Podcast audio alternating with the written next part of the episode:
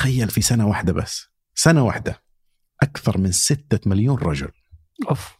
تم تعقيمهم يعني تخيل ال... وكثير منهم أصلا حتى ما أنجب. ممكن تقول اللي أنجب خلاص تقول أنجبت يكفي. كثير من ما أنجب. يعني أقل حق الإنسان ممكن يعني ما يتنازل عنه في حياته إنه حق اني اخلف ومع ذلك نزعوه من كل هذول الناس.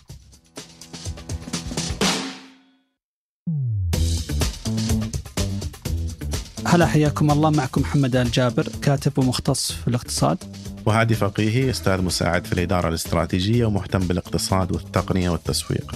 في بودكاست جادي نحب نسولف في مواضيع مختلفة كل أسبوع ونحللها من زاوية اقتصادية تفسيرنا للأشياء اللي حولنا سواء على نطاق تصرفات الأشخاص أو الشركات أو حتى الحكومات دائما نحاول نشوفه من منظور اقتصادي بس تدخل في جوانب نفسية وتسويقية واجتماعية.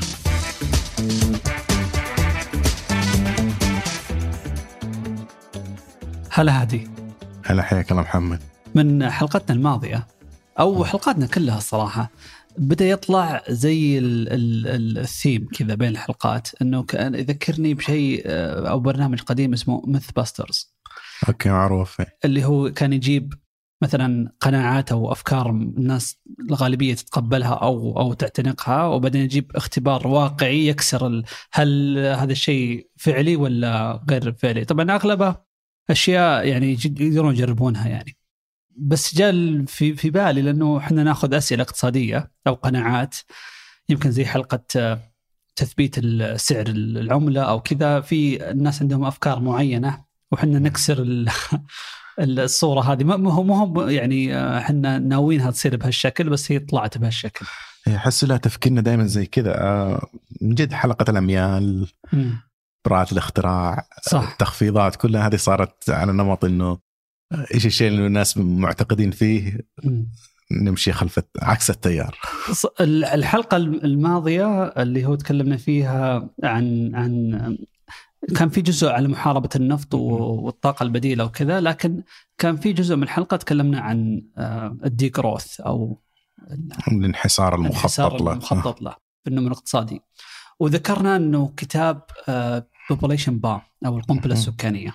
وه- وهذه ترى من أكثر المواضيع اللي دائما تزعجني الناس متقبلتها أو أو مقتنعة فيها إنه عندنا انفجار في عدد السكان هذا الشيء يشكل خطر على الأرض الموارد ما تكفي أو إن الدول آه، اللي عندها زيادة سريعة في عدد السكان يعني مصيرها الفقر ولازم تسوي شيء لتحجيم النمو. عربيا موجود ذا الشيء يعني طبعا في العالم موجود بحسب الثقافة وبحسب الوقت. لكن عربيا موجود. أذكرني شفت آه، حتى حملة من الحكومة في مصر. آه، الإعلان كان كان ظريف صراحة اللي هو كان طفلين يكفون أو شيء آه، شيء زي كذا. يعني الإعلان موجود في. يوتيوب. عجبني الإعلان مع اني مختلف معاهم في موضوع الإعلان نفسه اللي هو استهداف الدولة إنها يعني تحكم عدد السكان. لكن هذه من من القناعات اللي أتوقع حتى اللي جزء مش بسيط من اللي يسمعنا الآن يمكن عنده إلى حد ما مؤمن فيها. وأيضا هذا موضوع طرقنا له المرة الماضية بس هنا نعطيه مساحة أكبر.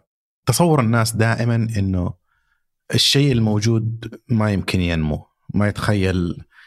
جو عدد سكان أكثر بسبب وجود عدد السكان حيخترعوا حلول لمشاكلهم حيخترعوا طرق إنتاج جديدة هذا أصلا حتفيد وحترفع من مستوى المعيشة. يعني طالع في السنوات الأخيرة يمكن حتى 100 سنة.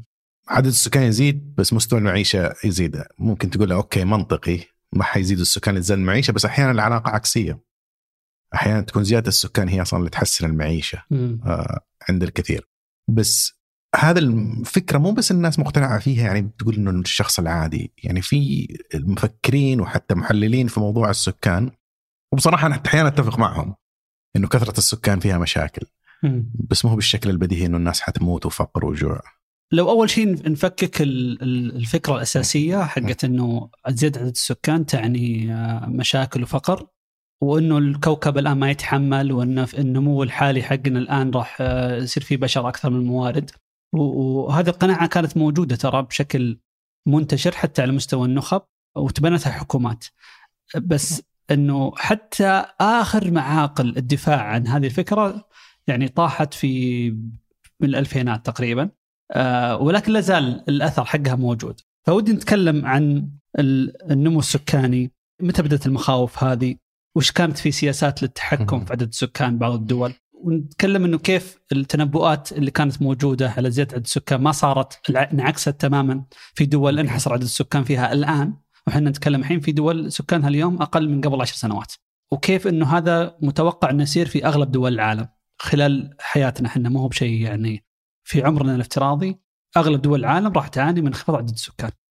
وقد يعني إن شاء الله إذا مد في في اعمارنا بس على نهاية ال- القرن الحالي آه، راح يكون وصلنا إلى أعلى عدد من البشر ممكن ومن بعده يبدأ الانخفاض. أنت أنت دائما تقول لي إنه الناس سيئين في الرياضيات الناس أيضا سيئين في تحديث أرقامهم أيه. يعني في أرقام كانت صحيحة في وقت ما بس كانت صحيحة قبل 30 40 سنة العالم تغير ومن ضمنها إنه نسبة النمو في السكان أو الدول اللي فيها نمو أكثر الناس دائما كانت تعتقد إنه كل الدول جالسة تنمو بشكل سريع مع إنه الآن تقريبا 50% من مو 50% آه تقريبا حدود ال 40% من سكان العالم يعيشون في دول أو في مناطق بدأ السكان يعني في الانحدار بمعدل نمو. الشغلة الثانية في هذا الموضوع إنه في التصور القائم عند الناس إنه أيضا مستويات الفقر جالسة تزداد و... وكل هذه الأرقام ما بيقول لك 50% من الناس يعيشون تحت خط الفقر مع إنه. الآن لو تيجي الموضوع الفقر المدقع الرقم ما يتجاوز 12% يعني. كنسبة من إجمالي السكان. ترى النزول السريع بدأ من من من التسعينات يعني شيء قريب يعني بس عشان كذا يمكن الناس التسعينات تزعل. 30 سنة يا أخي الحين آه لما أتكلم على على فترة آه الاقتصادات الدول يعتبر قريب يعني تغيير بهالحجم صار في في آخر 30 سنة يعتبر مرة شيء سريع فيمكن عشان كذا لا زالت الأفكار عالقة. هو النمو أصلا السكاني إذا رجعنا شوي متى بدأ بشكل صاروخي؟ في تاريخ البشر لأن كلها تقديرات على حسب يشوفون الآثار والمدن وال- والتاريخ المكتوب ويستنبئون يستطبون من بعض الأرقام في عدد السكان. آه، عدد السكان في الكرة الأرضية إلين ال- ال- الثورة الصناعية ما كان يتجاوز 700 800 مليون. وهذا الكلام في نهاية القرن ال 18 تقريبا. مم. 1806 وصلنا إلى أول مليار.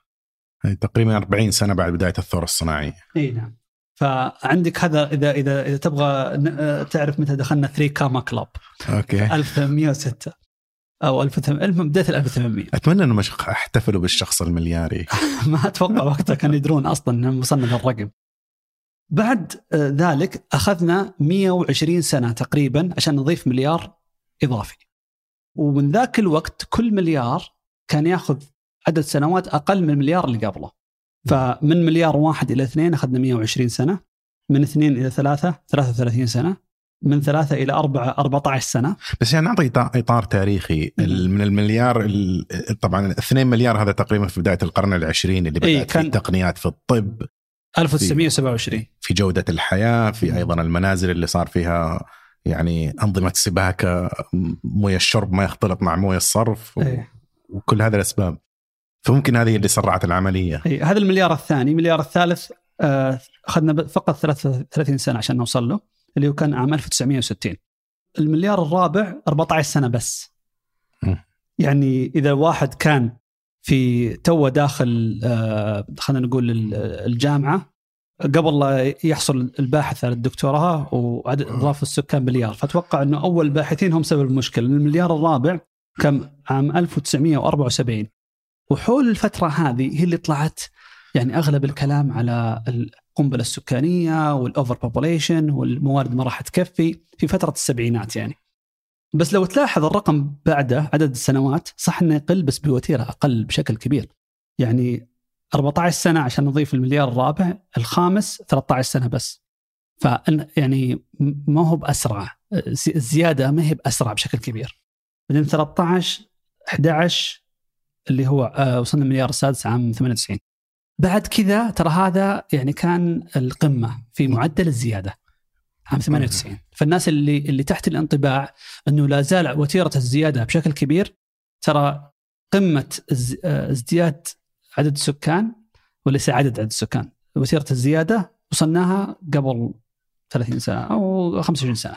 وهذا الآن لو طالع في النخب الاقتصادية وحتى الناس اللي يفكروا آه، في مستقبل البشرية وجماعة افكتيف الترزم اللي يعتقد إنهم حيغيروا مستقبل البشر.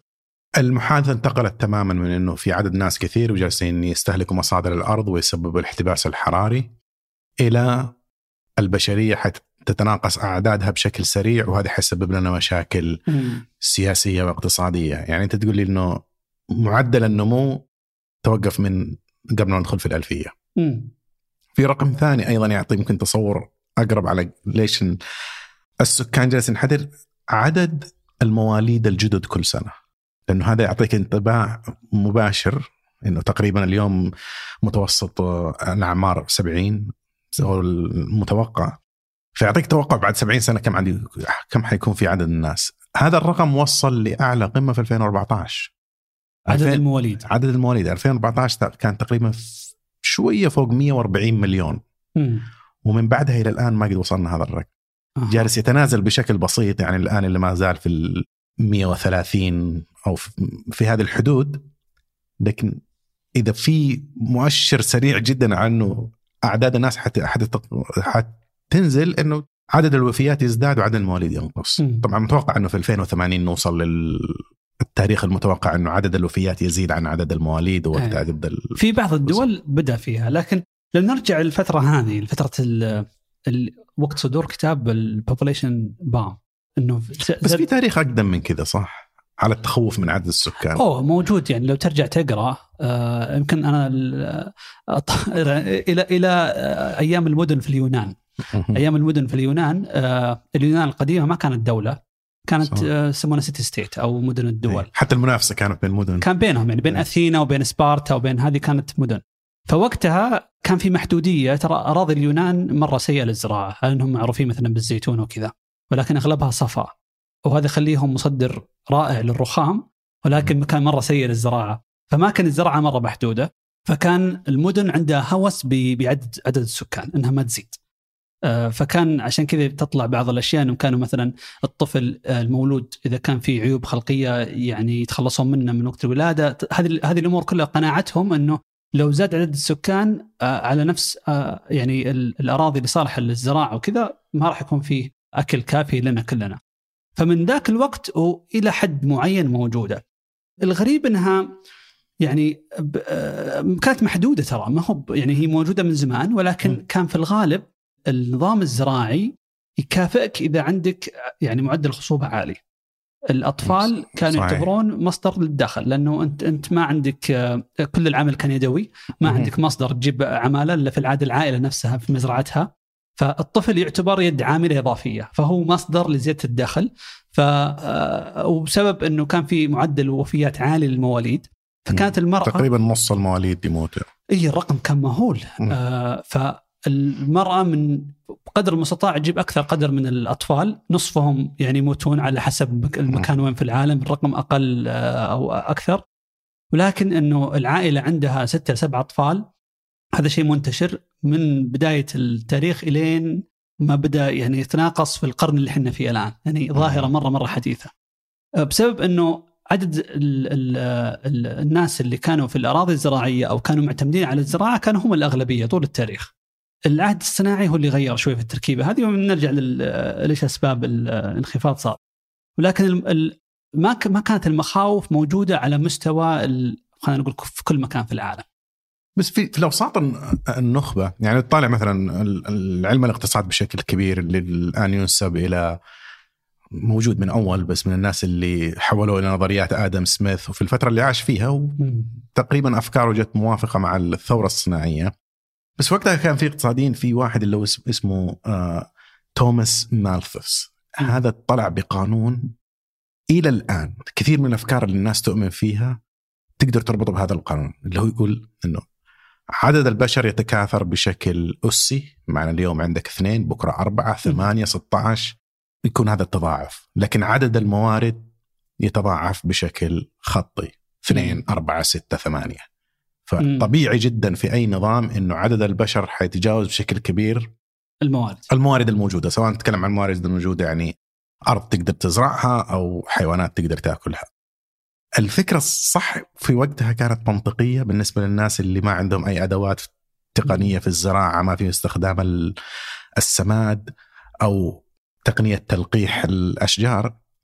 لكن تعتبر الآن فكرة باطلة تماما. ما, ما تقدر تطبقها على وضعنا الحالي لأنه اللي تشوف مثلا الناس كان 80% من السكان يشتغلوا في الزراعة. مم. الآن أقل الرقم ما أعرفه تحديدا لكن ممكن حتى أقل من 10% أو 5% من الناس تشتغل في الزراعة وتغذي أي، ال- ال- بقية الناس نفس القطع الع- أو حجم الأراضي الآن المخصصه للزراعة أقل من اللي كان قبل 100 سنة مع إنه عدد السكان تضاعف سبع مرات المخاوف اللي كانت موجودة اللي أثرت في القرن. العشرين على على قناعة الناس الآن وعلى قناعة سياسيين اتخذوا بناء عليها قرارات. يعني يمكن أشهرها كان في ورقة ظهرت اسمها limits to growth حدود. النمو. هذه طلعت في السبعينات. والورقه هذه يمكنها مسؤولة عن عن قتل 400 مليون آدمي. لأنها على أنها مؤسس الورقة صدرت من جمعية جمعية بحثية في أوروبا في روما. وكانت يعني أصلا حتى قبلها بكم سنة سووا زي المؤتمر أو شيء ما حد حضر. يعني كانت يعني ما ما عندهم أي حضور على مستوى خلينا نقول الفكري أو السياسي. ولكن الورقة هذيك آه، انتشرت بشكل عجيب. آه، أقتنع فيها سياسيين من بريطانيا. واقتنع فيها سياسيين آه، من حتى آسيا وصلت إلى الصين بخلاف الناس ما تتوقع أيام آه، آه، اللي هو الثورة الثقافية أو. الوثبه الثقافية اللي كانت أيام ماو كان يحفز النمو السكاني وفعلا يعني سكان الصين من بعد الحرب العالمية الثانية من 400 مليون وصلوا في نهاية السبعينات إلى تقريبا 900 مليون فالنمو الهائل هذا كان بتحفيز من الحكومة الصينية طبعا ما يعني ما ما كان في سياسات معينة للزيادة لكن كانوا يشجعون يعني كان هذا الشيء ضمن خططهم وكانوا يشوفونه شيء إيجابي لأنه كان في خطط لزيادة الإنتاج في الزراعة والصناعة فزيادة عدد السكان كانوا يشوفونه شيء إيجابي. في السبعينات خلال الفترة هذيك أصلا معدل الخصوبة في في الصين كان جالس ينزل، نزل. بالنصف من ستة لكل امرأة إلى ثلاثة. وبنشرح بعد شوي إيش نعني معدل الخصوبة. انخفاض هذا يعني بخ... انخفاض كبير ترى يعتبر. العجيب إنه يعتبر أسرع انخفاض في معدل الخصوبة في العالم. وهذا الكلام قبل سياسة الطفل الواحد. شيء مرة غريب صراحة إنه كان موجود. يمكن البعض يقول إنه السياسات اللي كانت موجودة سببت مجاعات وقتها خلت. الناس بأنفسهم ما عاد يبغون يجيبون أطفال هي المجاعة اللي في الستينات اللي 15 مليون شخص ماتوا فيها بالضبط هذه كان بالضبط. واحدة من ال- النتائج حقت السياسة ولكن عشان نشوف بس حجم ال ال ال الانخفاض عدد المواليد لكل امرأة كان ستة في في كل الدول حتى المتقدمة الآن اللي م. اللي تعاني من انخفاض سكان لكن الرقم هذا من ستة لكل امرأة نزل إلى ثلاثة أخذ في بريطانيا ما يقارب 100 سنة قرن. كامل عشان بس ينزل معدل النصف. في الصين أخذ 11 سنة بس. وهذا الكلام غير مخطط له. غير مخطط له. وكان okay. قبل سياسة ال one child policy هذا الغريب. وهذا الكلام عام 78 عام 78 هو اللي صدر فيه التقرير. آه، السياسيين في الصين قروا التقرير هذا. آه، وجاهم تخوف. طبعا التقرير آه، بس عشان لأنه مهم نشرح شوي. التقرير كان يستخدم نماذج عن طريق الكمبيوتر. ويسوي توقعات مستقبلية في النمو وفي عدد السكان وفي الموارد الاقتصادية إلى آخره. وطبعا الآن يعني مرة منتشر سياسة النمذجة أو الموديلينج إيه. باستخدام الكمبيوتر، فالآن نعرف إن في مشاكل وانه مبني على افتراضات وانه ما هو. بس وقتها الكمبيوتر كان مرة جديد في السبعينات، أي شيء يطلع منه صح. فشيء صح كان شيء سحري يعني. زي أي شيء يسوي ChatGPT الآن صح. بالضبط. الذكاء الاصطناعي. فقد يكون إنه أبهرهم إنه استخدام نماذج بالكمبيوتر تقول إنه عدد سكان الصين الحين إحنا يعني مقاربين لمليار بس ترى مم. على كذا راح نوصل 4 مليار في في منتصف القرن ال ال 21 أو على النهاية أتوقع أو على النهاية. فكان الرقم الضخم هذا خوفهم. ولا انتبهوا إن أصلا معدل الزيادة في في ال- في السكان جالس جالس يتناقص بشكل سريع الأسرع في التاريخ، ما انتبهوا للنقطة هذه أو إنهم ما أدري كان عندهم تخوفات ثانية. بحكم إنه آه، سلطة ال- الحزب الشيوعي مطلقة في الصين قدر يطلع آه، سياسة خلال سنة واحدة. خلاص ما ما في أحد يجيب العائلة ما تجيب طفل واحد. أنا أنا على تحدي السياسة دائما كان عندي تساؤل صراحة من ما أعرف إجابته إنه طيب واللي يجيب طفلين إيش يسووا له؟ آه طيب. تقريبا أخذ سنة عشان يبدون ينشرون ال- السياسة هذه وكان لها استثناءات بسيطة، الناس دائما اللي تحب تدافع عن الفكرة إنه كانت صحيحة في وقتها انه فكرة كارثية. ولكن يقولون إنه لا هذا كان على الغالب لكن ترى في لها استثناءات كثيرة وإنه غير صحيح، الاستثناءات كانت مرة قليلة، الاثنيات ال- ال- الأقليات في الصين كانوا يعطونهم إلى طفلين. آه، ال- المزارعين إذا أنت تشتغل في الزراعة ومولودك الأول كان أنثى آه، آه، يسمح لك تجيب مولود ثاني. طيب لو في أنا عائله اعتقد في قتل الإناث كانت ال- وهذه المشكلة. طلعت لاحقا. ولكن كيف كان التطبيق حقها؟ التطبيق حقها كان إنه العائلة تغرم غرامة كبيرة يأخذون أطفالهم الثانيين بعضهم يمنعونهم أصلا من يعني من العيادات نفسها يصير في إجهاض في الاجباري من العيادات فكان يعني الطريقة جدا مأساوية الجرائم صارت عشان تطبيق السياسات هذه في عام 82 حطوها في الدستور سووا تعديل. بعدها بسنتين إنه في الدستور ما هو مسموح لك إنك تجيب أكثر من طفل واحد. فتطبيقها كان بشكل صارم جدا وفعلا يعني من عام 80 تشوف انخفاض المهول في في عدد السكان. الزيادة لا زالت موجودة، نحن نرجع نقول إنه. في فرق بين عدد السكان الإجمالي يزيد وان معدل الولادات يقل. فأرتب عدد السكان إلى ملي- مليار و400. طبعا هنا طلع لي مشكلتين، أول مشكلة أوكي. آه إنه في تفاوت كبير في الموازنة بين الجنسين الذكر والأنثى، لأنه كانوا إذا اكتشفوا إنه مولود أنثى يعني يا اما يجهضون أو إنه إذا ولدت المرأة يتخلصون من من الطفل. هو طبيعيا من غير أي تدخل مفروض إنه دائما أي مجتمع ينتج ذكور أكثر من الاناث بن- بنسبة مرة بسيطة أي، بس لما تطبقها على ملايين تبدأ هذه النسبة البسيطة بس تحدث لك خلل في التركيبة بس إذا السكانية كان متعمد يعني كانوا مم. يفضلون إلى الآن يفضلون إن المولود الأول كان آه، ذكر ولأنه هو الوحيد مم. عندهم وكان عشان كذا حتى طلعت موضوع التبني الأمريكان اللي كانوا يتبنون من الصين وكان كلهم بنات بسبب مم. هذا الشيء. الإشكالية وين؟ الإشكالية إنه في ناس واجد تقول القناعة يمكن وقتها يعني تقول إنه بعضهم أنغش فيها أو إنه كانت خاطئة ولكن ما كان في آه، أشياء ثانية توضح لهم الإشكالية. تصحيحها متى صار؟ لأنه بنهاية التسعينات اكتشفوا إنه آه، قضية إن النمو السكاني بشكل مشكلة هذه كلها مث أسطورة غير صحيحة ولكن الكبرياء وطريقه ال ال ال العمل عندهم ما ما وقفوا إلى 2015 صح؟ بالضبط اللي صار إنه مع إنه من التس... معلش. مع إنه من التسعينات نزلوا عن رقم اثنين اللي هو إيه. المفروض الرقم اللي تحاول تحافظ عليه عشان السكان ما صح. ما يقل عددهم من التسعينات نزلوا ولكن ما اقتنعوا إنهم يغيرون في السياسة هذه، المشكلة وين؟ إنه 2015 يوم غيروا السياسة أول شيء ما أقروا ان إن السياسة قبل كانت خاطئة، أكيد إنه لا إحنا ما نعترف ان في شيء صار غلط. ويوم غيروا ما قالوا خلاص إحنا سياسة خاطئة راح نلغيها وأنتم جيبوا بكيفكم. في البداية قالوا نبغى نسويها بشكل متدرج عشان يطلع إنه لا هذا قرار ثاني صحيح. فقال الحين مسموح لكم تجيب طفلين. في 2015 في 2021 ثلاث أطفال.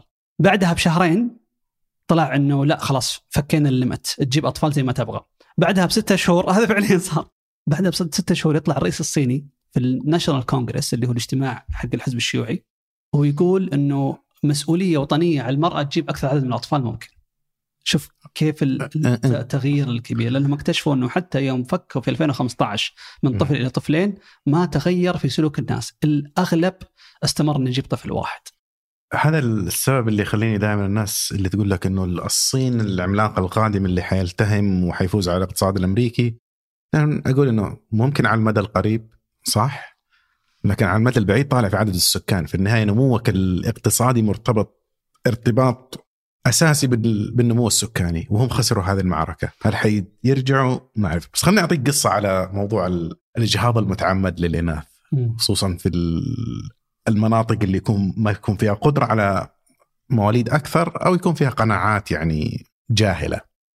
لما كنت في الهند وهذه المعلومة جتني من واحد والعهده على الراوي إنه في مناطق في الهند الآن الأطباء ممنوعين والمستشفيات ممنوعة إنه يعطيك سونار إنه يكشف لك جنس سونار. أيوه إنه يكشف لك جنس المولود. مم. ما في عندهم ال gender reveal آه، party والاحتفاليه بجنس المولود لأن كثير من الناس يروح إذا حصل إنه أنثى إجهاض مباشر. آه, آه الحين تقنيات السونار ترى تطورت. يعني قبل كان ما يقدرون يعرفون إنها تقريبا على أربع شهور. الآن ترى أنها حديثة إلى إلى تقريبا يمكن ثمانية أسابيع أو شيء جدا يعني في وقت مبكر من من الحمل. الأرقام يعني دققوا فيها في النت لكن الملفت وين؟ أنه هذه التقنيات ما هي موجودة عند آه، يعني متوفرة في أي مستشفى بعض. المستشفيات عندهم ترسل لهم تحليل بالدم ويعطونك آه، جنس المولود و- ودقيقه بشكل كبير ولكن في سياساتهم موجودة الآن بعض الدول حاطين عليها block ان إذا العميل ارسل لنا ما نعطيك إحنا result لأنهم مشهورين إنهم إذا كان ال- الجنين أنثى يجهضون الولادة. الحمل عفوا. خصوصا في أول ثمانية أسابيع أسهل يعني من بالضبط. ف... فصح منتشرة. والآن يقول لك في تقريبا آه 30 مليون آه رجل صيني ما يقابلهم امرأة. ف راح يموتون بدون زواج. يعني فالرقم مهول يعني كانها دولة كاملة بسبب الفرق آه في التوازن بين الجنسين في ال- في المواليد. كشفت حرب غزة حاجتنا لخدمة إخبارية موثوقة خصوصا مع انتشار الشائعات والأخبار المزيفة. فصحيفة الشرق الأوسط تقدم عبر منصاتها تغطيات حية لكل جديد وتحليلات عميقة وآراء متخصصة. عشان تعرف آخر الأخبار من مصدر موثوق تابع الشرق الأوسط صحيفة العرب الأولى. لو حسيت بالتشتت بين منصات التواصل وأنت تبحث عن الجديد وآخر الأخبار نشرة آها من ثمانية تقدم لك محتوى مفيد ومتنوع وبعيد عن خوارزميات المنصات. تقراها في خمس دقايق صباح كل يوم. تقربك من المستجدات وتغنيك عن الجوال الباقي اليوم. انضم الآن من الرابط في وصف الحلقة.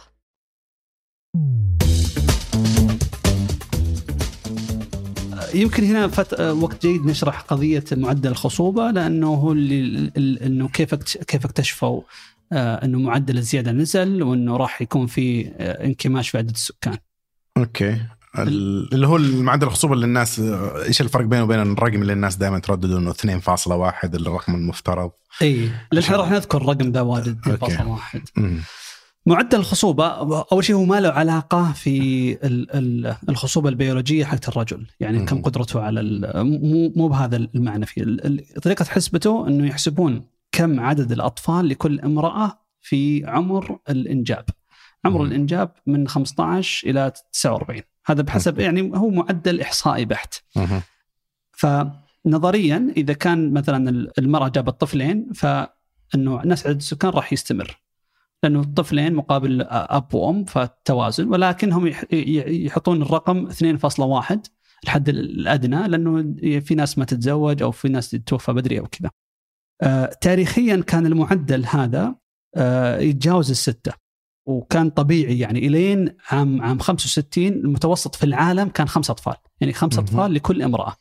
في السعودية تقريبا إلى 40 سنة كان هذا رقما كان 6.7 في ال- في التسعينات يعني أو بداية التسعينات مرة حديث. الرقم هذا عالي إلى اليوم في الدول اللي مثلا في آه، أفريقيا في آه، في بعض الدول اللي توها ناشئة. وبخلاف ال- ال- التوقع للناس إنه والله إذا الوضع الاقتصادي سيء الناس ما تجيب أطفال. أعطونا رواتب أكثر عشان نجيب أطفال أكثر. وهذا اسمعها الحين أقرأها في تويتر. في يعني كورليشن أو أو أو آه، آه، يعني معاكس تماما كل ما زاد الاقتصاد آه، غنى كل ما قلت عدد المواليد. وكل ما زاد أعتقد التفسير الأفضل لهذه إنه كل ما زادت الطبقة المتوسطة مم. لأنه معدلات الانجاب دائما هي الأقل في الطبقة المتوسطة اللي هي تقريبا في دولة يعني اقتصادها نامي أو حديث حتكون 80% من الشعب. الإنجاب أعلى في الطبقة الفقيرة اللي ممكن حتى ما يعني ما عندهم وسائل للوصول إلى سائل إلى برامج تخطيط الأسرة أو حتى الوعي وأيضا عندك اللي زي إيلون ماسك اللي يبغى يعمر الأرض. الأغنياء يكون عندهم عدد آه، أولاد أكثر بس كل ما زاد حجم الطبقة المتوسطة في المجتمع أي يبدأ يقل هذا الرقم. هو إذا دخلت على كل دولة تطلع بهذا الشكل لكن إذا ال- الآن قلت لك مثلا وش أكثر عشر دول في معدل ال- الخصوبة؟ اللي هو ذكرناه قبل شوي كم طفل لكل امرأة؟ أفريقيا طبعا. فبتحصل دول زي التشاد وفي الكونغو وال... وش أقل دول؟ بتحصل آه، إيطاليا كوريا اليابان يعني كلها دول اقتصاديا أغنى من الدول الفقيرة الثانية. فهذا المعدل مهم وقلنا كيف وصلنا إلى 2.1 إنه. عشان استبدال الأبوين فهو لو لو المعدل في الدولة 2.1 عدد السكان ما راح يزيد ولكن ما راح ينقص. فأغلب الدول ودها إنه يصير فوق 2.1 طيب كم دولة اليوم نزلوا عن المعدل هذا 2.1 أعتقد أعرف بنسبه السكان إنهم تقريبا 40% بس كدولة آه تقريبا كل دول ال- العالم المت- المتقدم خلينا نقول اقتصاديا الصين 1.4 اليابان 1.1 كوريا 0.9 ال- كوريا عندها واحدة من يعني. أسرع الانهيارات هم هم. وكونغ كونغ يعني وضعهم صعب. واتوقع كوريا مشكلة واحدة من مشاكلهم إنهم حرصهم الشديد والعالي على التعليم وإنه طفلنا لازم يدخل في أفضل آه، جامعة م- أو تبدأ العملية من آه، بداية المدارس إنه عشان ندخلهم أفضل المدارس ما يمدينا نستثمر إلا في طفل واحد مم. هذا الحس التنافسي آه أيوة. عندهم واللي هي ما هي مشكلة زي مشاكل الدول الثانية إنه آه ما في وجود لمصادر أو سياسات طبقتها الدولة في وقت معين قللت من عدد السكان بس الطبيعة التنافسية في المجتمع إنه طفل واحد بعدين نرسله لأمريكا ويروح في بيركلي أحسن من طفلين. يكونوا عندنا. الإشكالية مع الرقم هذا 2.1 إنه ما هو رقم تقدر تخطط له بأي طريقة معينة، هو رقم نتيجه الرياضيات إنه. في المجتمع ال- أغلب الناس يكون رجل وامرأة حيموتون يحتاجون يجيبون اثنين. عشان يبدلوهم في عدد في السكان ولكن بسبب ال- وفيات الأطفال عوامل ثانية أيضا عدم التوازن بين عدد النساء والرجال في في الإنجاب نحتاج 2.1 مم. الغريب إن الدول ممكن تنتقل لهذا الرقم بشكل سريع. مثلا خذ أنت قبل يومين شايفك في تويتر تقول إنك الناس دائما تعتقد إنه في مؤامرة وأنت ما تؤمن إنه في مؤامرات أو شيء زي كذا. لأنه بعطيك مؤامرة. وأعطيك مؤامرة في السكان صارت اللي هي صارت على الهند. يعني قضية التحكم في السكان فيها نزعة عنصرية من البداية من اللي دائما شافوا إنه كل هذا النمو السكاني جالس يجيب في مناطق غير بيضاء في الهند في الصين في أفريقيا وإنه مصير الرجل الأبيض أو الجنس الأبيض إذا سمحنا بعدد السكان حنختفي بسبب انهيار ال- الكوكب بشكل كبير. من الدول اللي تم التركيز عليها بشكل كبير في الستينات والسبعينات كانت الهند. الهند كان عندها نمو سكاني متسارع وقتها الحكومة الأمريكية جهات مثل الأمم المتحدة أيضا مؤسسات خيرية مثلا فورد foundation وراكفلر foundation هذه كلها مؤسسات خيرية المفروض إنها تقدم إعانات للدول الفقيرة. كلهم راحوا للحكومة الهندية وقالوا ما في إعانات لكم أو مساعدات بأي برامج حتى إنكم تبدأوا ببرامج تتحكم في عدد السكان. وقتها هم الذي انديرا غاندي اللي كانت رئيسة الوزراء وأيضا كان عندها قدرة إنها ألغت النظام الديمقراطي وأخذت كل السلطات بيدها. وبدأوا برنامج sterilization اللي هو تعقيم إجباري مم. للرجال خصوصا. كانوا مركزين على موضوع الرجال. كثير منهم كانوا يحاولوا يقنعوهم بزي ما تقول محفزات إنه إذا وافقت على هذا الشيء حنعطيك أرض حنعطيك آه، نسهل لك قروض وبيت وما إليه. وكثير منهم كان بالإجبار بالجيش. يسحبونك من بيتك يودونك مركز وتاخذ. العملية هذه. تخيل في سنة واحدة بس. سنة واحدة. أكثر من ستة مليون رجل. أوف. تم تعقيمهم يعني تخيل. وكثير منهم أصلا حتى ما أنجب. ممكن تقول اللي أنجب خلاص تقول له أنجبت يكفي. كثير من ما أنجب. يعني أقل حق الإنسان ممكن يعني ما يتنازل عنه في حياته إنه حق اني اخلف ويستمر نسل. ومع ذلك نزعوه من كل هذول الناس وبضغط ومساعدة كبيرة من ال... وقتها الرئيس الأمريكي في الستينات ليندن بي جونسون. كذا قال للهنود إنه طبقوا هذه السياسة؟ أو ما في مساعدات. وقتها الدولة فقيرة جدا وتحتاج إلى كل المساعدات. يعني كان عندهم المجاعات خصوصا بعد ما البريطان عفسوا النظام الاقتصادي عندهم. في مؤامرات في هذا الموضوع. يعني تصير في التحكم في السكان. لأن أعتقد إذا صار في الإيمان إنه لازم نتحكم إنه في قنبلة سكانية لازم نتحكم فيها. في جهات كثير حيكون حافزها. أنا أتحكم. هو اي إنه ما, ما نخلي هذا الأمر بيد الناس. عشان إحنا تكلمنا فقط على الصين هو مو هو بحصرا على الصين هو يمكن لا لا في تونس في مصر أطول عندنا. فترة. يعني بس أذكر بس هذه ما كانت سياسة إجبارية. يعني في مصر في تحفيز قوي حكومي. ولكن ما في منع إنه ما تجيب أطفال. في تونس حسب كتاب قراته في الموضوع كان رواتب الأطباء مرتبطة بعدد ال- حالات التعقيم اللي سووها. إذا ما حطيت يعني كان عليهم KPI وإذا ما جبته ما يعطوك راتبك. بس أيضا هذا ما أعتبره إنه كان آه يعني سياسة منع من الإنجاب. لأنه مثلا اللي كان في سنغافورة بدأ من الستينات إلى السبعينات. وترى في ناس إلى الحين مقتنعين إنه كان سياسة صحيحة. طبعا سنغافورة الحين متندمة جدا ان اتخذوا ذا القرار. سووا حملة وبعدين حولوها إلى قانون اللي هو اسم اسم الحملة stop at 2 أو البرنامج stop at 2 توقف على اثنين. تقريبا في نهاية الستينات كان با- بادي بشكل حبي بعدين في السبعينات لا صار تط- تطبيقه نوعا ما في إجبار. اللي صار إنهم نزلوا إلى 1.1 إحنا نقول قبل شوي 2.1 هو الحد الأدنى للاستبدال لل- مو باستبدال استبدال نفس السكان يعني استمرار نفس. عدد السكان. إنه الأبوين يجيبون ب- ناس بدلهم. بدلهم. فنزلوا إلى 1.1 فبسرعة يعني اكتشفوا إنه الرقم هذا نزل خلال 14 سنة أو 12 سنة بس يعني. فترة قصيرة جدا.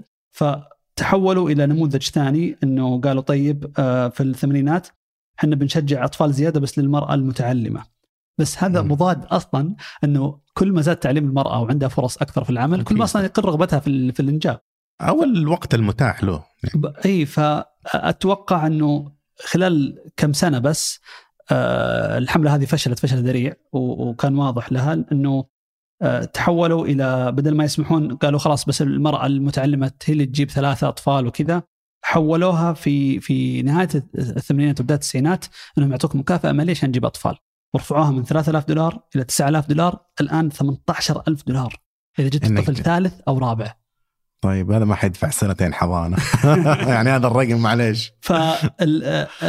فالاشكاليه إنه إذا قل الرقم على 2.1 اللي هو مثلا صار في أغلب دول أوروبا في اسكندنافيا موجود في أماكن واجد.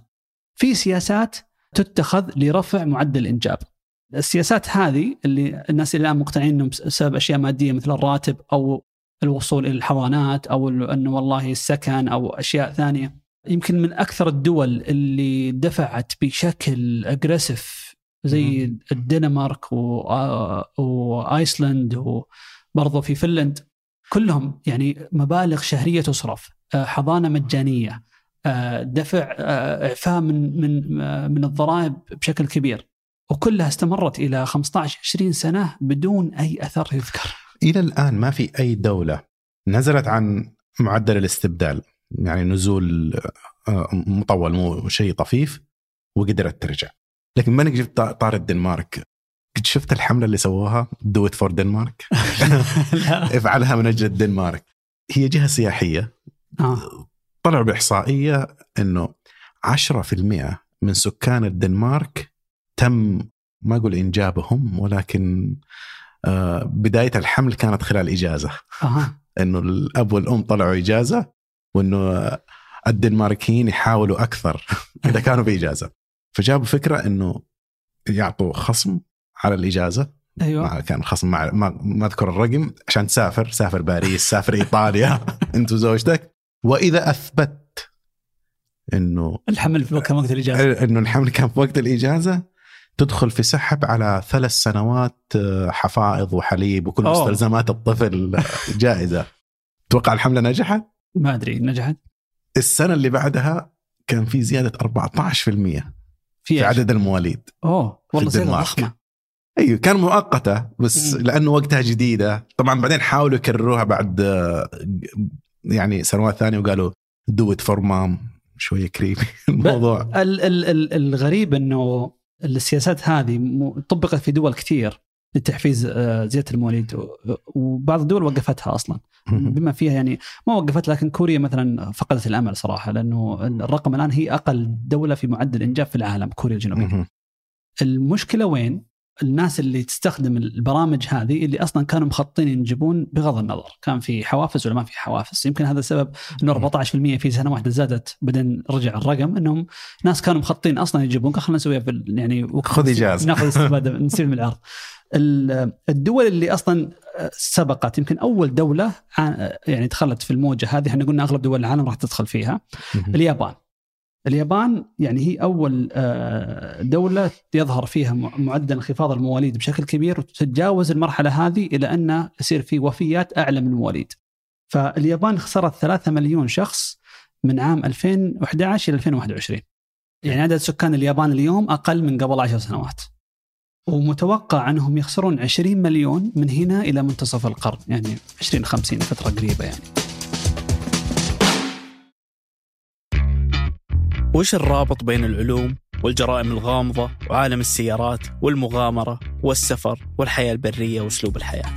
لو بنجمع كل هالأشياء في كلمة واحدة راح تكون الاستكشاف.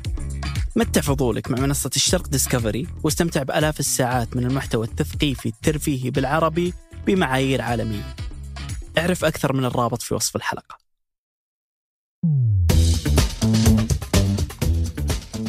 إلى الآن ترى ما ذكرنا إيش الإشكالية لما يصير في انخفاض في عدد السكان أوكي. بهذه السرعة. لأنه بيقول لك انه طيب أوكي مثلا اليابان صاروا كانوا 120 مليون صاروا الحين 118 أو 117 طب في. دول مثلا بريطانيا وفرنسا عدد سكانهم أقل فإيش الإشكالية يعني ووضعهم كويس المشكلة لما ينخفض عدد السكان مو هو بأنه عدد السكان قليل بس ينخفض إنه أول شيء معدل الأشخاص اللي أعمارهم كبيرة يصير يشكل نسبه عالية من السكان. وهذا هذا يعني فئة ما تشتغل وتحتاج رعاية وتحتاج اهتمام. هذه فكرة الهرم المقلوب. الهرم المقلوب. فلو لو تشرح الهرم يعني. فلو فكرت فيها قسم يعني من صفر إلى خمسة ومن خمسة إلى 12 ومن يعني كل مجموعة عمرية. وبعدين شوف كم يمثلون من إجمالي السكان. لو لو تخيلتهم كأنهم خطوط فكل ما كان في أطفال أكثر وكبار أقل بيصير زي الهرم هذا عدد السكان. وهذا الو- الوضع المثالي اللي كان موجود في أغلب مع النمو اللي صار بعد الحرب العالمية الثانية جاء في جيل اسمه ال baby boo- boomers اللي هو في آه، ولادات عالية في في نهاية الأربعينات والخمسينات. هذول دخلوا إلى سوق العمل في السبعينات ولكن هم ما جابوا اطفال آه، زي آبائهم. فكان فصار هذا يسمونها ال population gift أو ال demographic gift عفوا الهديه الديموغرافيه إنه عندك عدد كبير في المراحل العمرية اللي فيها إنتاج وعمل. يعني نتكلم من من تقريبا 18 إلى 65 هذه الفئة العمرية هي اللي تشتغل وهي تدفع الضرائب وهي اللي يعني نشيطة وتحتاج يعني رعاية صحية أقل من من الفئات الأخرى. فغالبية السكان عندك في في الفئة هذه وأقلية اللي فوق 65 واللي تحت 18 لأن الفئتين هذه ما تعمل وتحتاج رعاية. وخلينا نقول هم يعتبرون اعت- اعتماديين على ال- على الفئة ال- العاملة. والفئة اللي أتوقع فوق 65 تكلفتهم أعلى. أعلى من حتى الصغار. فالمشكلة وين؟ إنه لما يعني ينتقل بدل ما هو ب 3 4% فوق 65 من السكان يصيرون 15% 20% آه، متوقع مثلا في في ألمانيا يوصلون إلى 30% من السكان. بنهاية القرن ذا يعني مثلا في السعودية أقل من 6% 7% إي أعلى من آه، 65 فنظام التقاعد الحالي اللي يعمل يقتص جزء من راتبه ويروح إلى الصندوق والصندوق يدفع رواتب للمتقاعدين. فدائما من بداية تأسيس الصناديق هذه تراها حديثة يعني في القرن العشرين عدد المتقاعدين جدا قليل مقارنة باللي يعملون، فتحصل إنه مثلا في 15 شخص أو 20 شخص يعمل مقابل كل متقاعد واحد. فحتى لو قصيت منهم 5% تسدد ال- الرواتب المتقاعدين. الرقم هذا كان يعني آه، آه، كل ما لا يتناقص انه. عدد الناس اللي تشتغل مقابل ال- المتقاعدين يقل فبدل ما هو ب 15 شخص يعني آه، مقابل كل متقاعد صاروا 10 أشخاص خمسة أشخاص اليوم في ألمانيا اثنين يشتغلون مقابل كل متقاعد واحد الرقم هذا مرة والمانيا ما هي من اسوء الدول. ب- ما تعتبر من ما هي أسوأ- من اسوء عشرة ما مقارنة بإيطاليا مثلا اللي الوضع. عندهم كارثي أكثر. الوضع كارثي أكثر. في 1.3 معدل ال- الإنجاب عندهم أو الخصوبة عفوا. بس هنا ندخل في موضوع ممكن إنه طيب إيش حيصير؟ الآن العالم تقريبا إذا استمرينا على الوضع هذا حن- حنوصل إلى 2080 80 بعدين يبدأ معدل السكان يقل وبعدها فعليا ما هو واضح إيش حيصير؟ هل حيقل بشكل سريع أو هل حيقل بشكل بطيء؟ في بعض الاقتصاديين يقول إنه في 90% فرصة 90% إنه الانحدار حيكون بشكل سريع لدرجة إنه حنرجع ل 2 مليار يمكن خلال 150 سنة. طبعا عارف الناس تفكر إنه 150 سنة وهذه أرقام بعيد، ما هي أرقام بعيدة، مم. كثير من المؤسسات اللي نشوفها حولنا اللي قائمه في العالم أعمارها 400 و500 سنة، إيه. يعني في جامعات الآن ما زالت إلى الآن قائمة تأسست قبل 400 سنة. لكن موضوع التقاعد وهذه شغلة، موضوع أيضا يعني جودة الإنتاج في, في الاقتصاد هذه زي ما تقول مشاكل سطحية، بالن- بالنسبة لي أشوف إنه في مشاكل حتكون أعمق. يعني مثلا ليش عدد سكان كثير أفضل جودة للاقتصاد من عدد سكان أقل؟ من أهم المحركات للاقتصاد اللي هو مسألة الابتكار، إنه. عندنا أفكار جديدة. واللي يحركها إنه كل الناس تصبح تتخصص في مجال معين. إذا وصلت إلى مرحلة إنه تحتاج تسوي بس شغلة واحدة وما تحتاج تشتغل على أي على إنتاج أي شيء من مقومات الحياة، لا تزرع هذه حياتنا الآن السيارة اللي أنت تسوقها ما أنت سويتها بنفسك، البيت اللي أنت ساكن فيه ما بنيته بنفسك، التخصصية في اي العمل فيصير في تخصصية ويصير في كمية معرفة هائلة متركزة عند أشخاص معينين اللي هي تسمح لنا ان ندفع بالبشرية لآفاق جديدة. مو يصير كل الناس مشغولين إنهم يكرروا عمل ما في أي إنتاج فكري جديد. فإذا رجعنا انحدر انحدر العدد إلى مليار مليارين الآن ممكن ترجع لنفس الإشكالية إنه الناس حتضطر تقضي وقتها كله في أعمال يدوية مهنية ممكن وقتها حتقول لي في روبوتات بس هذا ما هو ضمان لأنه تطور الروبوتات والذكاء الاصطناعي قائم على أنه في أعداد جديدة من الناس تفكر وتدفع بهذه التقنيات أن أنت عندك مشكلة في الطرفين ليس فقط في الفئة العاملة ولكن في الفئة المستهلكة. تماما. هذه اشكاليه مثلا في اليابان لأنه عدد السكان جالس يتقلص إنه على تخفيض الفائدة بسعر صفري وس- وسلبي أحيانا عشان. تحفيز الاستثمار ما حد جالس يستثمر. ولا في تضخم ولا الاسعار جالسة تنزل وهو شيء سلبي يمكن نشرحه بشكل. أوسع لاحقا ولكن هذا الشيء يخلي الشركات ما تستثمر هناك ولا توظف فهي يعني دائرة مرة سيئة إذا وقع فيها الاقتصاد. اليابان من التسعينات في الدائرة هذه. فالمشكلة إن أنت جالس تفقد العاملين وممكن بشكل آه، آه، جزئي في الفترة الماضية تم التعويض باستخدام الروبوتات أو بتحسين آليات العمل آه، أو بال offshoring اللي تطلع إلى دول ثانية. ولكن ما أنت بجالس برضو تطلع مستهلكين يستهلكون. هذا السلع وهذا الشيء اللي, اللي- سوى الانحسار اللي صار في, في اليابان عندك في برضو مشكلة ثانية ترى. يعني قبل 150 سنة قبل ما نوصل أصلا 2 مليار المتوقعه هذه المشكلة في اللي ذكرتها قبل شوي في كم نسبة كبار السن آه، مع تقدير واحترام منهم لكن نسبتهم من السكان وتأثيرهم على سياسات الدول. أوكي. حلوة النقطة هذه. لأنه إذا صار 30 40% 50% من ال من ال آه، سكان الدولة في فئة عمرية ما تشتغل وفوق ال 65 بتختلف تماما كيف إحنا نتعامل مع مشاكلنا. بحكم إنه آه، تاريخ الدول دائما أعلى فئة هم الفئة الأطفال والشباب. ومع الوقت بتبدا تناقص هذه الفئة ولكن لأن الفئة هذه عالية فتحصل في آه، آه، تفاؤل أكثر وفي الاستثمار في إنه والله في نحتاج مثلا توسع في المدن، نحتاج أماكن جديدة، نحتاج صناعات جديدة فقضية الاستثمار والتطوير والبحث على المدى الطويل هو ياخذ حافز أكبر من إحنا نشوف مشاكلنا الآنية أحيانا. لكن لما تتغير ديموغرافية ويصير الأغلب على نهاية حياته ويهمه وش يصير اليوم لأنه هو ممكن مو موجود السنة الجاية. فسياسات الدول راح تبدا تتغير وأنا أشوف في ملامح في بدايتها في أوروبا.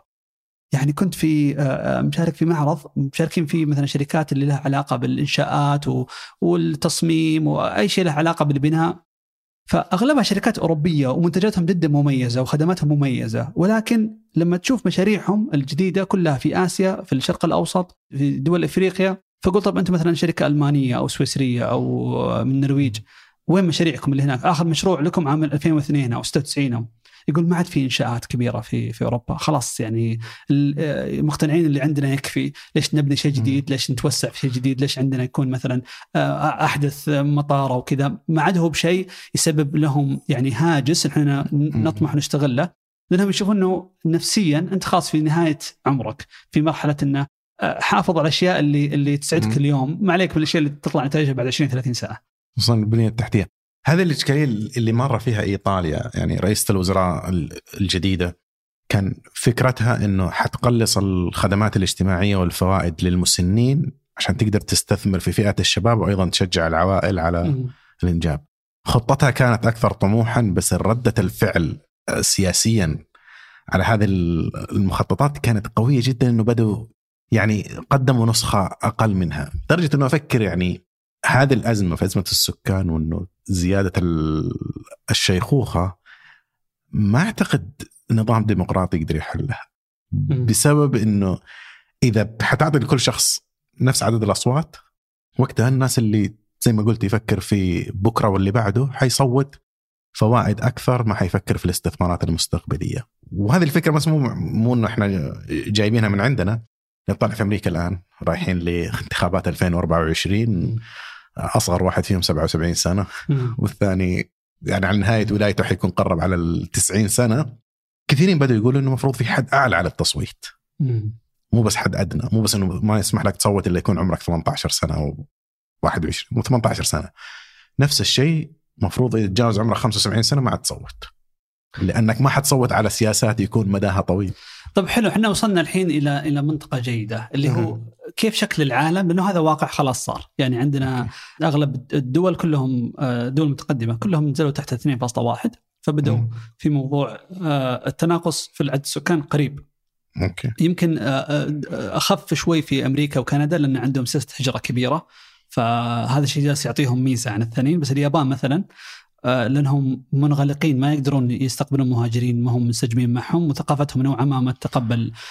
فالخيار هذا مثلا مو مطروح ودول ثانية غير اليابان آه، حتى مثلا الصين وكذا حتى في المستقبل ما يرون إنه هذا أصلا خيار بيكون مطروح. فأغلب الدول راح يعني سواء رضوا ولا ما رضوا راح يدخلون في مرحلة إن عدد سكانهم أقل ونسبة الكبار من السكان أعلى. كيف شكل الاقتصاد في ال في ال- ال new normal هذا الوضع ال- الجديد؟ واحدة من ال- الاشكاليات يعني حتى الناس اللي تقول إنه ما نحتاج مواليد نجيب مهاجرين، طيب مهاجرين من فين؟ كل الدول اللي أنت تتكلم حتى الدول اللي تشاد والنيجر اللي معدلات النمو فيها عالية جالسة تتجه نفس معدل اللي موجود في بقية الدول. مع الوقت يعني ممكن تعطيها 20 سنة أو 30 سنة حيوصل رقم اثنين، بعدين من فين نجيب؟ إلا إذا كان في ناس في المريخ عايشين إحنا ما ندري عنهم. نقدر نجيبهم الأرض. مسألة الابتكار في هذا الاقتصاد يعني ممكن إحنا نبدأ فعليا نشهد موضوع التراجع الاقتصادي لأن كل النمو اللي جالس نشهده إنه في مبتكرات جديدة. تخفض التكلفة تزيد عدد الخيارات. الحافز الابتكار حيقل من ناحية إنه ما في مستهلكين بس أيضا ما في مفكرين. يعني الابتكار في النهاية لعبة أرقام. إذا عندك مليون واحد احتمالية إنهم يجيبوا فكرة فيها جودة وقيمة عالية أكثر من لو كان عندك ألف شخص فقط. إذا قلت موضوع الابتكارات تحديدا حيقل موضوع النمو ما أدري حتى أنت تتخيل مثلا مدن المدن اللي بنيت الآن في الصين عشان تأخذ آه في مدن 200 الحين مليون. فاضية وما عمر راح يسكنها أي. أحد في في مدن الحين اللي يبغى عقار ببلاش بس لازم تسكن. فيه في إيطاليا يعطونك بيت ببلاش بس لازم تسكن فيه يعني بس الهدف آه وهذا يمكن يشرح برضو بعض العقارات اللي تقريبا شبه بلاش في في اليابان أنهم يبغون أحد يجي يسكن عشان يشتغل هناك ويدفع لهم ضرائب يعني إحنا إحنا نفكر بالعقار زي السعودية تشتري صح. عقار ولا حد يقول لك لا. عطنا فلوس بعده في الشغلة الثانية في الشكل الاقتصاد إن إحنا اليوم جالسين نتكلم إنه ما نحتاج نشتغل خمس أيام قصروا الأسبوع مم. أربع أيام أعتقد هذه تطور لحظي جدا في تاريخ نرجع البشرية طبعا أنا أعطيك ال- السيناريو المتشائم وإحنا ممكن نكون زي اللي تشائموا في السبعينات إحنا إيه. جالسين نتشائم الآن بس بس في بطريقة أشياء. بدات زي مثلا عمر التقاعد، عمر. التقاعد يزيد في كل دول العالم. إيه. يعني في أمريكا اليوم س- 67 سنة،. طبعا في السعودية أدري إن كل اللي يسمعون الآن بيقول 60 لا مو ب 60 في السعودية 58 لانهم يحسبون والعسى الهجري واللي في القوات المسلحة هو أقل, أقل. إيه. بس اللي نقول خلينا ال- الغالبية اللي هم في الخدمة المدنية. آه إذا تقاعد كامل يقول لك على 60 تقاعد بس يحسب لك العمر بالهجري.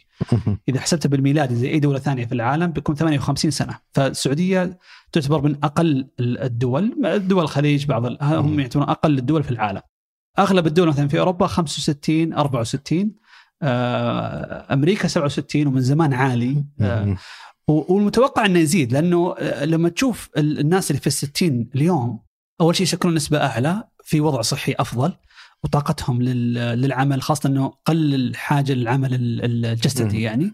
فإنه هو في مكتب ودام يعني ما هو بإنه والله كبير إنه يقدر يشتغل ما هو بمعمل أو المتوقع أنه بتزيد عدد السكان يعني أو العمر ال- ال- للعمل إلى 75 ويمكن 80 سنة. تشتغل حتى تموت. راح راح آه، تتمدد. لا ممكن برضو المتوقع في ال- ال- العمر يزيد.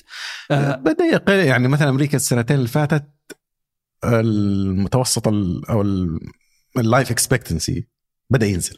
بدأ ينزل بس لأنه. بعد بعد بعد كوفيد ترى دائما في آه، يعني في من قبل كوفيد ترى زيارة صارت من قبل كوفيد يعني أعتقد بسبب إنه الاستثمارات في جودة الحياة خلاص أعطتنا كل اللي ممكن تعطيه إلا إذا كان في تقنية جديدة أنا قريت ممكن. لأنه في مشكلة في موضوع ال- ال- المخدرات اللي منتشره. هذه كانت أي. لها سبب في. إن الإحصائية تنزل آه، بس إذا شفناها على على معدل العالمي إحنا الحين على 2.5 العالم العالم أوكي بس معدل النزول مهول يعني إحنا قلنا 95 سنة في بريطانيا عشان ينزلون من 6 ل 3 مهم. آه الصين 11 سنة. في دول اليوم نشوفها أنها توها جاية زي بنغلاديش وزي تايلاند وز... إنه على أساس إنه لا زال في نمو ما عاد في نمو. أغلبهم راح ينزلون تحت الثلاثة. فالوضع هذا إحنا السعودية إحنا ترى ما ذكرنا الرقم إلى الآن. السعودية 2.4 ثمانية. الرقم الرسمي. الرقم الرسمي اللي هو مقارب للمتوسط العالمي 2.5 بس هذا اذا حسبت الدول اللي عندهم مثلا إلى يصل إلى 6 فاصلة شيء في أفريقيا وأخذت مثلا زي كوريا أو اليابان فهو افرج عالمي. وعلى الورق إحنا الأعلى في الخليج. على الورق لأنه هذه آه، آه، نعم هذا ما أبغى أدخل ذكرنا أرقام وايد ترى الناس. بعضهم يسوقون فصدعوا. فتوقعي إنه أول آه، شيء بيصير هو موضوع رفع سن التقاعد. وراح يصير في كل مكان. أنا أستبعد صراحة معليش إنه ما بكون متشائم مرة بس إنه جيلنا راح يتقاعد على الستين. ما أتوقع. راح يحدث من هنا لين آه، يجي ذاك الوقت. إن شاء الله إذا الله أحيانا قد يكون في تعديلات بس كل العالم توجه للتعديلات.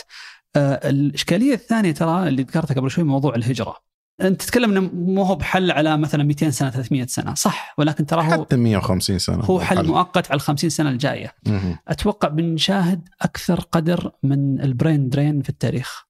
هو اللي موجود دائما اللي هو آه، تخس تخسر ال- المهارات أو العقول اللي عندك الدول. آه، والدول اللي اليوم تحاول إنها تحد عدد السكان أو إنها تشجع ان إن سكانهم يشتغلون برا ويحولون فلوس راح يتندمون أشد الندم بيشوفون هذا أكبر خطأ مثل خطأ حق ال one child policy حق الصين اللي هو الطفل الواحد.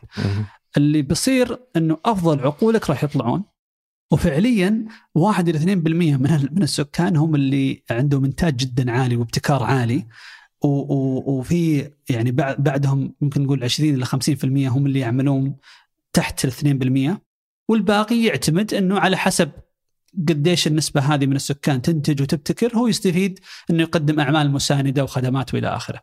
لما تخسر نسبة كبيرة من داخل ال- التوب 1% ال- على 1% أو على 2% أثرها يكون مضاعف على النمو الاقتصادي ولا تر ولا تاخذ ال ال ال النسبة هذه مرة ثانية.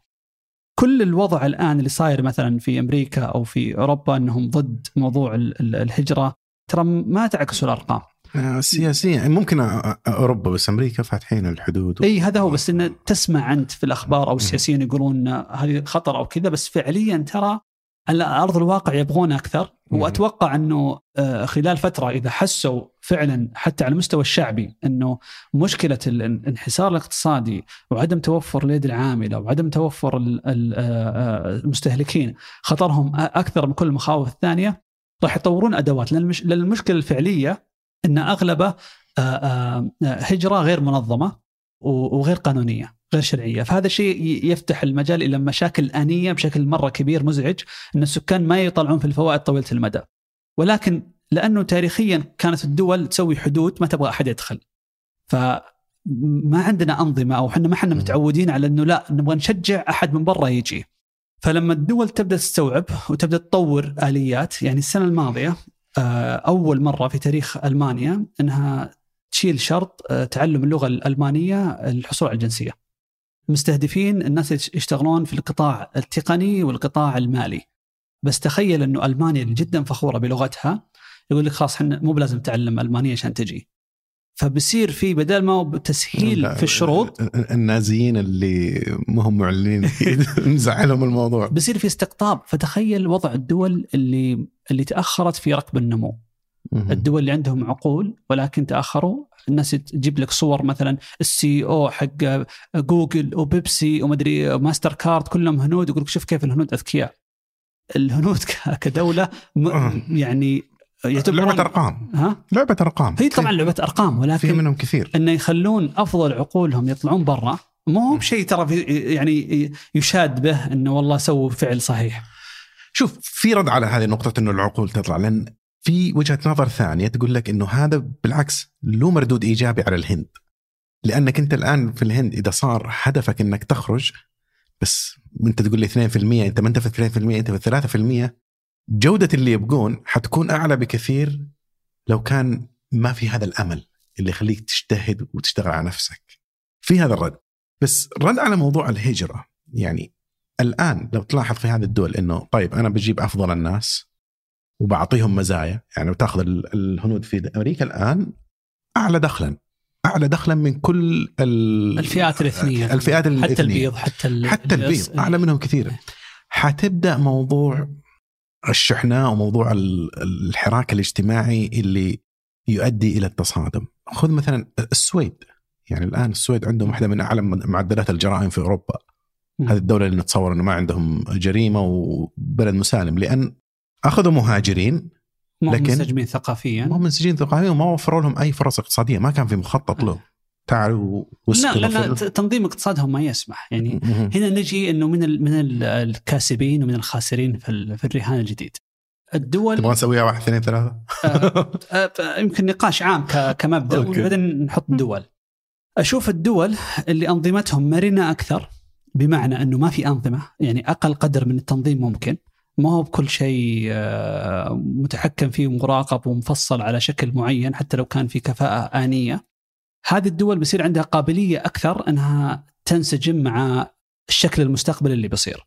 يمكن في ناس مثلا تنتقد انه إنه في أمريكا آه، في لا مركزية وفي اجهزه الدولة ما هي فعالة في كل مكان والوضع هذا يمكن يبين في دول ثانية أكثر تنظيما أو أكثر ولكن هذا الشيء اللي يخليهم يعني يتشكلون بحسب كيف ال ال ال ال الاقتصاد متوجه، كيف السياسات العامة ال- ال- اللي لحظتها تكون مناسبة. الدول اللي يعني جالس أقرأ مثلا مش أكثر دولة متقدمة، إحنا قبل شوي ناقشنا على الهند أو أو قلنا بنجلاديش أو دول لسه ما. نمت وجالسه تخسر عقول. طيب تدري إن في برين درين أو أو هذا المصطلح اللي هو يعني آه، آه، خسارة عقول. خسارة عقول في الدول المتقدمة ومن أعلى دولة في العالم من ضمن الفئات الدول المتقدمه اللي تخسر آه، عقول فرنسا. أوكي فرنسا آه، يعني آه، أكثر من سبب بس خلينا نقول السبب الرئيسي شكل الصناعات عندهم بدرجة كبيرة في تواجد كبير لل state owned enterprises اللي هي. الشركات المملوكة للحكومة. وهذا الشيء يخلي فيه يعني صح إنها ضخمة وكبيرة ويمكن أدائها جيد في بعض القطاعات ولكن ما في مكافآت آه، آه، بناء على الإنتاج. لأنها تعتمد على زيادة عدد الموظفين، الشركة تشتغل بك ولا بدونك، ولا هي بشركة صاعدة يعطون مكافآت وبونص عشان يستقطبون أفضل العقول. والمنطق عندهم تركيز أكثر على جودة حياة الموظف من أرباح ال- بالضبط المستثمر. وفي وزن أعلى ل- ل- لرأي ال- آه، النقابات العمال. النقابات العمالية وكذا عشان كذا هم أقل عمر تقاعد في أوروبا كلها. آه وحتى هم جو يبغون يرفعونه من 60 ل 62 اللي هو يعتبر لا زال أقل رقم في أوروبا طلعوا في مظاهرات وكنسلوا القرار اللي قبل حرقوا باريس قبل شهرين إيه. آه، آه، مع إنهم من فترة طويلة ترى يعني جالسين يعيشون في نظام ما هو ابدا متوازن. بس فين رايحين الفرنسيين أمريكا يعني؟ آه، جالسين يروحون لثلاث دول ألمانيا بريطانيا وأمريكا. أوكي هذه معلوم هذه أكثر ثلاث دول تستقطب ال- الفرنسيين عفوا وكندا لأن في كندا. جزء يتكلم فرنسي. فالفرنسيين اليوم جالسين يعني نتكلم طبعا الرقم يمكن على إجمالي السكان 80 مليون ما يبدو كبير ولكن لما يكون أفضل المنتجين عندك علماء باحثين مبرمجين يروحون دول ثانية لأنه ياخذ ضعف الراتب هناك أو ثلاث أضعاف الراتب وعنده فرصة إنه إنه ينمو فانت جالس تخسر حتى فرص إنه هذول مستقبلا يسوون شركات أو أو ينشئون أي ابتكارات في دولتك فأنت تستفيد فيها مستقبلا. فجزء من الزخم الاقتصادي اللي كانت اللي تعيشه آه، فرنسا الآن هو على خلينا نقول إرث تاريخي لشركات موجودة من 150 آه، 100 سنة. وهذا هذه هذه شركات لها سمعة ولها براند تواجد عالمي. ولكن آه، هذا الإرث انت جالس تاكل منه. أنت كل سنة ما أنت جالس. تبتكر جالس تاكل منه. فتوقعي الدول اللي اللي راح تخسر هي الدول اللي أنظمتها جامدة زي فرنسا. آه، الدول اللي تفرط بال- آه، بالعقول آه، مثل الهند وإن كان الهند كبيرة بال- هي أكبر دولة في العالم من عدد السكان كبيرة بالقدر الكافي إنه يعني في شيء يعوض عن شيء ولكن في دول ثانية حتى دول عربية صحيح. أتوقع إنه ما لهم طريق عودة صراحة يعني مع إنه الدول العربية إيش في دول الآن أقل من واحد من من اثنين فاصلة. كثير من الدول أصلا على هذا الخط أو أعلى منه ب- آه بقليل على الورق البحرين وقطر والإمارات ولكن الإشكالية اللي سولفنا فيها قبل التسجيل إنه لما تنزل إلى إلى دول لها وضع خاص أتوقع قراءات اليو إن هنا ما كانت دقيقة لأنه أي. أنت تحسب آه، الوافدين مع المواطنين والوافدين لهم وضع خاص مو كلهم متزوجين وأغلبهم يجي فترة قصيرة. فهذول يعني يشكلون نسبة 60 إلى إلى 80 أو 90% في حالة قطر من السكان. هذا الشيء يعني يطلع لك بيانات ابدا ما هي بدقيقة. ما دخلنا في التفاصيل كثير لكن هذا ال- الإشكالية. أصلا أي دولة ترى حتى جلست أبحث عدد سكانها تحت ال 10 مليون. أعتبر. إنه شوي البيانات ما هي ما هي بدقيقة مرة إي ممكن عوامل بسيطة تأثر لك تأثر بشكل مرة كبير. بشكل كبير الآن بما إنك ذكرت هذا الرقم قبل فترة قرأت كتاب بصراحه مثير جدا للتفكير إنه الكاتب يقول إنه أمريكا لازم تستهدف إنه يكون عندها مليار شخص طقطقوا. عليه كثير لكن أنا أحس إنه في جوانب من من رؤيته هو رؤيته إحادية هو فقط مركز لك على موضوع السكان ويشوف إنه ال- القوة الاقتصادية القائمة حتكون من اللي عنده سكان أكثر. هو اللي حيستطيع إنه يحكم العالم لل 200 300 سنة القادمة مقارنة بالدول اللي حتنهار اقتصاديا. فنشوف مثلا السعودية عندنا يعني جالس أفكر هذه الفكرة إحنا نقول نضرب زيهم بثلاثة ونصير 100 مليون سعودي أو 100 مليون مقيم في السعودية؟ لأنه تفكر في المشاريع اللي عندنا يعني الرياض على التمدد اللي جالس يصير فيها المناطق الاقتصادية اللي تنشأ نيوم وغير كذا عند عندك مناطق أقل أصغر ممكن تفعلها جيزان في الجنوب أو. حتى هنا في الشرقية فما أدري إيش الرقم اللي تشوفه ممكن, الرقم؟ صعب إذا قلنا على أرقام مثلا الصين اليوم مليار و400 متوقع على 2100 يكونون تحت 700 مليون. أمريكا متوقع يوصلون ل 400 فالفرق المهول اللي تشوفه الآن بيتقلص بشكل مرة كبير خذ في بالك إنه في في أمريكا يعني الناتج آه، المحلي لل- للمتوسط للأمريكي تقريبا خمس أضعاف الصيني. فإذا تقلص عدد السكان بيصير الفرق مرة آه، مهول يعني بين القوتين. فكذا الدول راح تسعى إنه يكون عندها عدد سكان. الدول اللي عندها قابلية يعني أشوف مثلا إحنا في السعودية آه، لو تلاحظ اللي يولد هنا أو يعيش فترة طويلة هنا يعني بحكم عندنا تنوع حتى الحجاز آه، والمناطق السعودية في الشرقية أو في تنوع معين. وغير كذا إن عندك مليار آه، ونص أو 2 مليار مسلم في العالم. ففي قاعدة آه، مشتركة مع مع دول كثير. فعندنا قابلية إحنا نستوعب آه، أكثر من دول ثانية يمكن من الدول القليلة يعني اللي عندها قابلية ثقافية وقابلية أخلاقية إنها تتقبل قريبين من مراكز الكثافة السكانية سواء مم. غربنا أو شرقنا يعني تقدر إنك تتحول مثلا برنامج الإقامة المميزه مع إنه اللي يستهدف آه، فئة أعلى بس التسهيلات حتى في موضوع يعني. التملك الوظائف ممكن حنوصل لأرقام أعلى لأنه الشيء المخطط له المفروض إنه يكون مم. 50 مليون في في سنوات قليل الرقم مهما كان كبير إذا كان عندك أنت لا يزال في في آه، نمو اقتصادي في فرص أهم شيء. هذه النقطة المهمة اللي. هذا السبب اللي قضية السويد. السويد أعطاهم حوافز اجتماعية ما, ما في أي دولة في العالم تعطيها. آه، أجار شبه مجاني تعليم أطفال صحة مجانية ولكن ما في فرص ما في فرص اقتصادية. ما تقدر تفتح business ما تقدر آه، تشتغل ما في نمو عالي في الاقتصاد. فإذا الدولة ما فيها قابلية إنها تولد وظائف تول- تولد فرص تجارية ما راح أصلا تصير مستهدفة مهما خفضت من ال... من اشتراطات الهجرة أو الانتقال أو الإقامة. آه، فهذا اللي أتوقع العنصر بس, اللي- بس العملية عكسية هنا وإحنا نرجع النقطه قلناها في البداية ان انت تحتاج العدد عشان تبني هذه ال- الفرص الاقتصادية. يعني خذ مثلا ليش الصين فيها هذه المشاريع الهائلة؟ مم. اللي تشوفهم بانين طرق على مستوى طوابق والشبكة القطارات والمدينة شنغهاي هذه اللي من التسعينات بنوها مم. بهذا الشكل المهول لأن في مشاريع يسهل جدا أنك تبررها إذا كان عندك عدد كبير لأنه تكلفتها الآن تتقسم على عدد أكبر فتصبح تكلفتها بالنسبة لكل شخص إذا مثلا حتاخذها عن طريق الضرائب أو عن طريق الإنتاجية مشاركة كل شخص في إنشاء المشاريع تصير أقل مم. بينما لو عندك مش عدد سكاني 5 مليون 6 مليون ما وصلت للرقم الحرج هذا. ما أدري يمكن أعتقد إنه 100 مليون أو شيء زي كذا إنك تبدأ تاخذ مشاريع تقفز بالاقتصاد. آه، شوف الرقم رقم المطلق يعني خمسة أو عشرة أو رقم وليس كمعدل في الزيادة أنا ما أشوف أنه دائما هو يلعب دور. لأن آه، نشوف مثلا دولة زي آه، آه، زي أستراليا عدد سكانها آه، أقل من السعودية واقتصادها أكبر. عدد السكان مو هو المحرك ال- المطلق أتكلم. الزيادة آه، نسبة وجود الشباب فيها آه، قابلية النمو هذه العوامل اللي أكثر أهمية. آه، أنا دائما أضرب مثال بأستراليا وهولندا يعني إذا تبغى تشوف ك طبعا طبعا. لو على بس الرقم كان نيجيريا وباكستان والبرازيل هم نيجيريا أكثر عندهم الدول. واحدة من من مو بس إن أكبر عدد سكان في في في إفريقيا. من أقل أعداد الأعمار ولا زال عندهم معدل إنجاب عالي. وعندهم نفط بال- بال- بالمناسبة هم من أكبر المنتجين في العالم في النفط. والدولة مأساوية جدا اقتصاديا يعني. ما ما في أي نمو يذكر ووضعهم اليوم حتى أسوأ من قبل عشر سنوات. وجود الأمن والاستقرار والأنظمة المرنة وثقه الناس بال- بال- بالنظام إنه يستمر وقوي هو هي العناصر اللي اللي تحدد مقدرتك على المنافسة، يعني هل تنجح أو ما تنجح أو إلى أي درجة تنجح؟ يعني قضية أخرى. طبعا. تحكمها أشياء بس, كثيرة. بس في العوامل المهيئة للفرد إنه يتضاعف إنتاجه. بالضبط. طب هل تتوقع في دول راح تختفي؟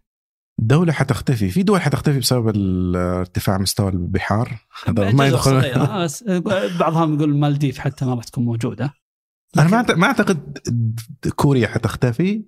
لكن أعتقد اللي في كوريا الشمالية بس منتظرين يجون إنه هذول خلاص يوصلوا لحد الشيخوخه ونروح وناخذ كل اللي ان بينهم. عندهم نفس المشكلة تقريبا. ما هو ما هو ما هو بحجم كوريا الجنوبية ولكن تراهم تحت ال replacement rate أو تحت 2.1 اللي هي نسبة ما الاستبدال أدري يعني هل في أرقام أصلا جالسة تطلع عن آه، كوريا الشمالية؟ هي تقديرات خارجية بس هم يقدرونها بعدد ال إنت في بالك دولة حتختفي؟ آه، أنا يا أخي دائما يجي في بالي موضوع منغوليا. أنت تدري انها دوله موجوده في العالم أوكي. آه، آه، يا أخي غريب إنهم كانوا أكثر إمبراطورية انتشارا في العالم لفترة طويلة. ووجودهم في في كان وصل إلى أوروبا على ثلاث قارات يعني المناطق الرئيسية في الثلاث قارات سيطروا عليها ف آه، إن دولة زي كذا شبه اختفت يعني أنا متأكد إن في ناس الآن لو ودوا لهم وين وين منغوليا على ما الخريطة ما يدري وين. حيخلطها مع كمبوديا حسبها في الجنوب. إي ف هو هو صح إنهم ما هم صفر عشان نقول أختفت ولكن فعليا ثقافيا تواجدهم آه، شبه آه، صفر. عدد. سكانهم كم الحين؟ تحت الخمسة مليون أو؟ ما ما اعرف صراحة أنا ما أدري وينها في الخريطة. بالضبط هذه نقطتي انه إنه يعني دولة كانت حاضرة بهال فلما تقيسها على على على مدى 100 200 300 سنة. أوكي. تبدأ الأمور تختلف تماما. عموما خلينا أنا بصراحة مع إنه إحنا ذكرنا يعني جوانب مأساوية لكن أنا متفائل بالمستقبل. أعتقد إنه آه، ما إحنا نبغى نشارك نفس النظرة القاصرة اللي كانوا الناس في السبعينات لأنه. حق كتاب بوبيوليشن بام قال إنه أنت لما تقول إنه في دولة حتختفي هو توقع هذا الكلام اللي طلع في السبعينات توقع إنه بريطانيا حتختفي في بعام 2000 بسبب؟ بسبب الانفجار السكاني. إنه بريطانيا بسبب إنها الآن دولة مع ما هي مستعمرة ويعتمدوا على الاستيراد بشكل كبير ما حيكون عندهم أكل كفاية. أتوقع إنه 70 مليون حيموتوا في أمريكا. أتوقع إن الهند حتختفي بس. ما صار ولا شيء من التوقعات يعني. في توقعات إلى إلى 50 سنة 60 سنة قدام. يعني في دلالات كثيرة انها أنها إلى نسبة كبيرة راح تتحقق يعني. أنه مثلا إحنا قلنا عام 2086 راح يكون آه، في طبعا في ناس يقولون قبل في ناس يقولون آه، 2058 راح يكون أعلى عدد آه، أعلى عدد أعتقد. قريب جدا. قريب جدا. في آه، الرقم آه، ال- ال- من اليو إن 2086 2086 تحت ال 11 مليون. آه، عفوا 11 مليار. وبعدها العدد راح يقل. آه، التفاؤل اللي عندي أتوقع بعد ذلك آه، يمكن إحنا أسلوب حياتنا يختلف. الآن. الانتقال الناس للمدن وأولوية العمل وعدم الرغبة إن يكون عندك التزامات عالية يمكنها مؤقتة. أتوقع قد يكون في تغيير ترى يعني بارادايم شيفت ثاني جديد راح يجي. راح يكون الناس تتأقلم مع وضع مختلف ويمكن ما نرجع في النمو الهائل اللي كان ستة أطفال لكل آه، امرأة ولكن يمكن نرجع إلى مستوى الثلاثة. إلى الآن ما في ولا دولة عرفت كيف تجيب هذا بس حنشوف إيش التقنيات. لأنه اللي يخوف إنه أنت تقول الآن توقع الأمم المتحدة.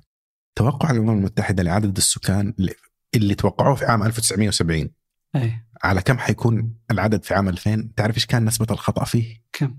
أقل من 5% مم. من التوقع. ونفس التوقع اللي حطوه في 1990 على كم حيكون في عدد سكان ب 2025 يعني بعد سنة؟ نسبة الخطأ فيه 3% مم. فهذول عارفين يعني توقعاتهم دائما لأنه فغ- غالبا ما راح نشوف رقم 12 مليار ادبي يعني أتوقع هذا لا كويس طيب. أنا كنت بختم على شيء كذا تفاؤلي أكثر لكن حيكون في روبوتات وأرحام صناعية وما أدري إيش. ويعني إن شاء الله الطب يكون يتحسن بعد وقتها. يعني إن شاء الله ما في أحد اكتئب ويقفل الحلقة واصل معنا. يعط- يعطيكم العافية على الاستماع. واللي واصل معنا يا ليت يعني إحنا عندنا إيميل جادي الثمانيه دوت اي سواء مقترحات تعليقات آه، أو حتى يعني أسئلة أو شيء على حلقات سابقه ممكن. آه، ممكن إحنا نتكلم أيوة. عنها. واللي يسمعون على راديو ثمانية برضو الآن يمديك تحط تعليقات على الحلقة. نعم اللي آه، ترى نقرأ التعليقات كلها. نعم. آه، بس يعني خفوا مدح شوي. لا لا جانا ترى. لا, لا اللي مدح يقول أحسن من فنجان. ليه زعل عبد الرحمن علينا ويوقف البرنامج آه لا فنجان أحسن برنامج. فيعطيكم العافية وشكرا لكم على الاستماع.